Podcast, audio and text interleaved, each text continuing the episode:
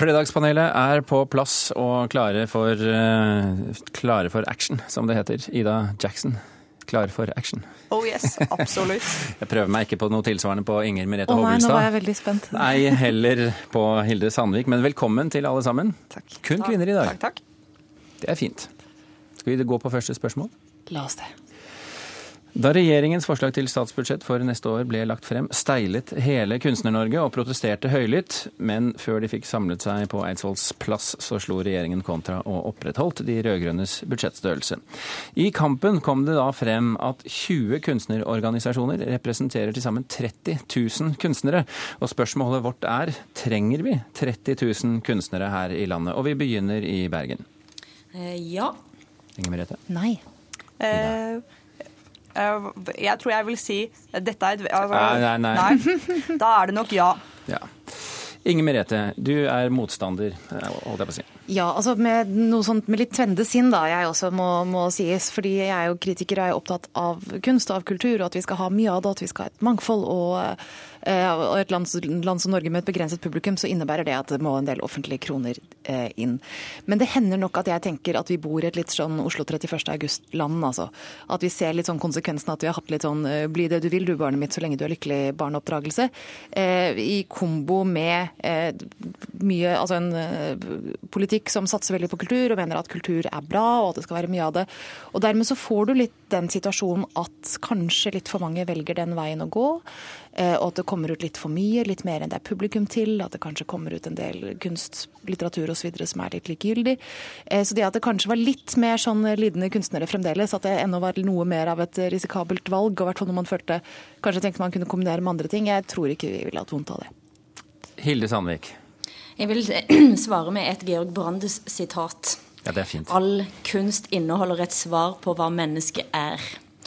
Eh, og det tenker jeg de svarene kan vi ikke ha for mange av. Og så er det et, så er det et veldig godt poeng. Det er veldig mange organisasjoner eh, til disse kunstnerne. Men det er òg samtidig kunstnere som faktisk holder liv i altså i helsevesen, i offentlig sektor. Det er masse kunstnere og masse varme hender i, som, som vi virkelig trenger. Og jeg tror altså Den type entreprenørskap som kunstnere bedriver, den trenger vi. Snakker du nå varme hender, altså at de også jobber som varme, hjelpepleiere f.eks.? Er hjelpepleiere, lager kunst og kan da presentere noe som kan fortelle oss hva mennesket er. Mm.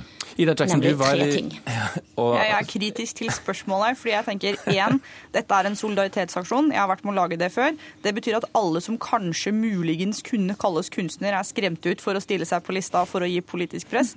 To av disse organisasjonene som de 30 000 menneskene er medlemmer av, så er det jo alt fra kunsthåndverkeren til barnebokforfatterne. Som betyr at det er, det er ikke bare sånn Odd Nerdrum-kunstnere som lager konsept og store malerier her. Det er folk som er forfatter av barneboken 'Lille katt', og det er folk som jobber som keramiker. og det er jo, Jeg tror jeg er medlem i to eller tre kunstnerorganisasjoner. Det er ikke der jeg får brødpengene mine fra, men jeg ville nok stilt meg under på et sånt opprop. Så jeg tenker at det er en litt Gjorde sånn, du det? Eh, altså Jeg tror Norsk barne- og ungdomsbokforfatterorganisasjon gjorde det. Så, jeg, ja. så dermed gjorde du det òg? Ja, ja. Skriver under, vet du. Uten å tenke seg om. Så jeg tror liksom ikke jeg tror mengden sultne kunstnere er betraktelig mindre enn eh, navnene på den i det oppropet. Det er mulig at det er veldig få sultne kunstnere i Oslo, men jeg tror, altså, hvis jeg har sett på levekårsundersøkelser som, som har blitt presentert med jevne mellomrom, så lever ikke kunstnere fett, altså. Nei, det er jeg enig i. Det er veldig mange kunstnere som lever under fattigdomsgrensen, og det gjør de helt frivillig. Og det er uten at staten må ut med, så, altså, må ut med mindre faktisk i stipender enn en en ville ha fått på sosialen. Så sånn sett, for Hvis du ser samfunnsøkonomisk på det, så tenker jeg at en fattig kunstner eh, krever mindre av staten enn en ikke, for å ikke sette meg helt ut på sidelinja. Eh, jeg er helt enig i at det er noe, jeg synes jo det er noe direkte heroisk med de som faktisk med åpne øyne går inn og velger et liv som kunstner med veldig få utsikter til å leve særlig fett av det. Men jeg tror ingen av oss som snakker her er uenig i at kunst er viktig, og at det er viktig å liksom passe på at man har et mangfoldig kunstliv. Men det er jo et spørsmål om andel og størrelse og hvor, hvor mange. Og du kan si at hadde 70% av befolkningen valgt å bli kunstnere, så ville man kanskje eh, måtte moderere litt liksom, hvor, hvor, nyttig de var og hvor mange det er. Jeg syns det er interessant å se eh, hvem som nå velger på en måte med fornuftig, tar de klassiske fornuftsvalgene ut utdanningsmessig, det er jo gjerne eh, innvandrerungdom som har klassereisen eh, å vinne. som da skal bli jurister, advokater, ingeniører osv. Men så ser jeg at de som kanskje ikke føler at det er så mange sprang å gjøre på utdanningsvalg, de tillater seg mer å velge, eh, velge med hjertet og forfølge drømmene sine. Og på mange måter er det jo noe vakkert ved det, men så er det kanskje et spørsmål om hvor mange sånne drømmer som ja, er helt bra at realiseres, med tanke på hvor stor publikum, potensielle publikum det er. Jeg, jeg ser at her rekkes det opp Jeg kan også se, Hilde Sandvik, at du rekker opp hånden der borte i Bergen. Men jeg må, altså, jeg må ja, altså nå stoppe det, for vi har jo flere spørsmål, så vi må gå videre. Ja, Vi takker for første svar, og så går vi på nummer to. Google vil tatovere en mikrofon inn i strupen din. Det har de i hvert fall søkt patent på. Googles strupemikrofontatovering føyer seg dermed pent inn i rekken av ulike dingser som vi enten da bærer på oss eller opererer inn i kroppen. Og spørsmålet er har vi kommet inn i en heldig utvikling mot fremtiden nå, Ida Jackson? Ja, jeg er positiv. Nei. Hilde?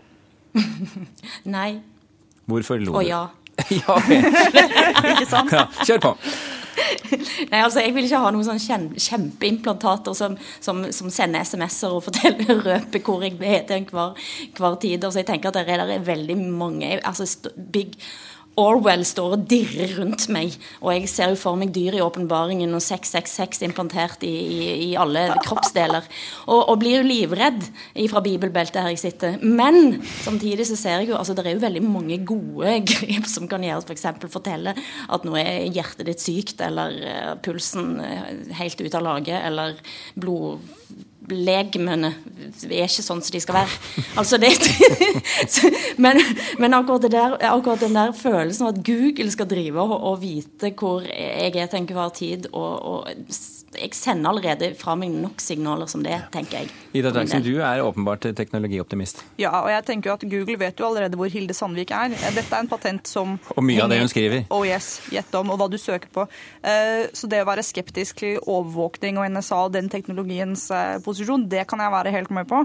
Men nå er det jo sånn at eh, denne patenten er en helt logisk liksom, forlengelse av Google Glass, fordi det handler primært om stemmekontroll. Og det er stemmekontroll du trenger for å kunne kontrollere alle disse brillene som nå kommer. Så dette er jo rett og slett bare ja, på-knappen til brillene, som da kommer til å være en sånn eh, midlertidig tatovering på halsen eh, som fanger opp vibrasjonene dine. Så jeg tenker at den type biokontroll eh, det er et helt logisk neste skritt i denne teknologien. Og så kan vi heller være kritiske til hvordan teknologien brukes. Ja, kan du bli hacka, da? altså, jeg tror jeg har nok hacker i min sånn ingeniør her til å kunne lage seriøst tøys og tull på bankkontoen din som det er. Det ville jeg nok vært ja, ja, mer bekymret for. Men i halsen, en... på strupen din. Ja, eller hvis, jeg, hva, hvis det blir sugemerke der samtidig. Og Da er vi altså, nesten over i neste tema allerede. Ja, ja, vi kommer tilbake dit. Men Hilde, nei, Inger Merete Hovelstad, du må jo få lov til ja, nei, Der touchet du nettopp innom en sånn eh, interessant problemstilling. Hva gjør du med denne mikrofonen hvis du er sammen med din kanskje prøvekjæreste gjennom tre uker på rommet over foreldrene dine? og da kan det, det ser for meg situasjoner hvor eh, den kan være ikke så helt eh, heldig å ha. da. Fra mitt perspektiv så er egentlig dette et litt sånn bare sånn personlig kulturkonservativt verden går i hundene-perspektiv. Eh, altså Jeg skjønner jo ikke at folk tatoverer seg med bare Punktum. I hvert fall ikke alltid. Uh, men det er ikke dette det, det handler om? Det er selvfølgelig ikke dette det handler om, men det er noe med at eh, altså det rykker oss selvfølgelig stadig nærmere inn på livet. Jeg er jo selvfølgelig slave av min duppedings, som jeg tror alle etter hvert er. Og jeg tenker jo at et skritt til nå, altså briller, den tatoveringen, få det enda nærmere. Eh, jeg syns allerede det er litt skummelt når jeg merker hvor lenket jeg er til duppeditten min. Det kommer sikkert til å rykke nærmere. Kommer, altså for alle teknologimuligheter kommer til å bli utforsket og utprøvd, og hvilken grad man kan gjøre det. Jeg bare syns, jeg merker at jeg syns tanken er litt ekkel. Jeg husker, jeg husker liksom, ja. Mm. Altså, som en eh, veldig teknologioptimistisk person, så vet jo jeg at en hacker kan ta kontroll over kamera og opptaksmuligheten på din iPhone allerede, og ta opp uavhengig av om du har noe på strupen eller ikke. Så jeg tenker nok at i den sånn ugne følelsen som er her, så ligger det at når teknologien kommer tettere og tettere på kroppen, så må vi bli enda mer politisk og enda mer bevisst på hva altså, vi vil f.eks. kanskje ikke at forsikringsselskap eller fastlege skal få direkte informasjon om hvordan pulsen din er til enhver tid.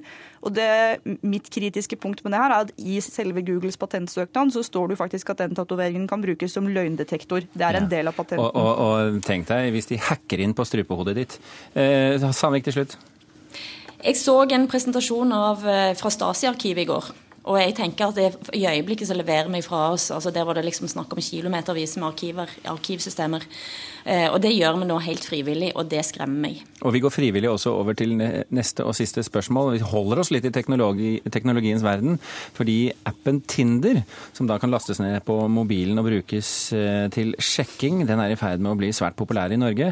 Samlivseksperten eh, vi snakket med, advarte mot at eh, slike apper kan gi unge en usunn og overfladisk holdning, og at de kan bidra til mer utroskap. Så spørsmålet er, ønsker vi sjekkeapper som Tinder velkommen, ja eller nei? Håbelstad. Ja. Jackson. Sandvik. Ja, men jeg må vel si nei, jeg, da. Ja, si, si, nei, og så prøver du å argumentere ut fra det. Jeg sier nei. Jeg, ja, kom igjen. Ja. Hvorfor? Nei, men altså, Det er mulig at det fungerer veldig sånn på, på Østlandet, der det ikke er så mange fjorder og fjell å krype over hvis du skal møte neste vedkommende. Men, eh, men da må jeg jo jeg argumentere for at det, den møtet IRL i virkeligheten er det eneste som, som, eh, som kan danne grunnlag for, et, eh, for en lengre og sunnere og nærere relasjon. Var det veldig overbevisende? Ja, det var veldig overbevisende. ja, Ida Jackson. Ja, jeg hørte jo Kulturnytts tidligere innslag om denne appen her i dag, og jeg ble helt fascinert over hvor kysk man omtaler Tinder, for dette er jo ikke egentlig en sjekkeapp, det er en kjappis-app. Eh, det er primært det det brukes til rundt omkring i verden. Og for de som ikke forstår hva du mener når du mener kjappis-app? Det betyr at du finner noen du liker, og så avtaler dere å gå et sted IRL og ha sex. Og, men det er jo sånn, altså Homofile har jo holdt på sånn ja, hele veien. Grindr har jo eksistert ja. i mange år. Dette er heteroversjonen av Grinder. Og dette handler ja. bl.a. om at den skeive pickup-kulturen, hvor du har ja, mer eller mindre uorganiserte sextreff, kommer fra homoverdenen og over i heteroverdenen nå. Og det er eh, ja, det påvirker seksualmønstrene til unge mennesker. Så det som er spesielt med Tinder, er jo at den er en veldig effektiv og bra laga app. Disse tingene har eksistert på internett i ti år.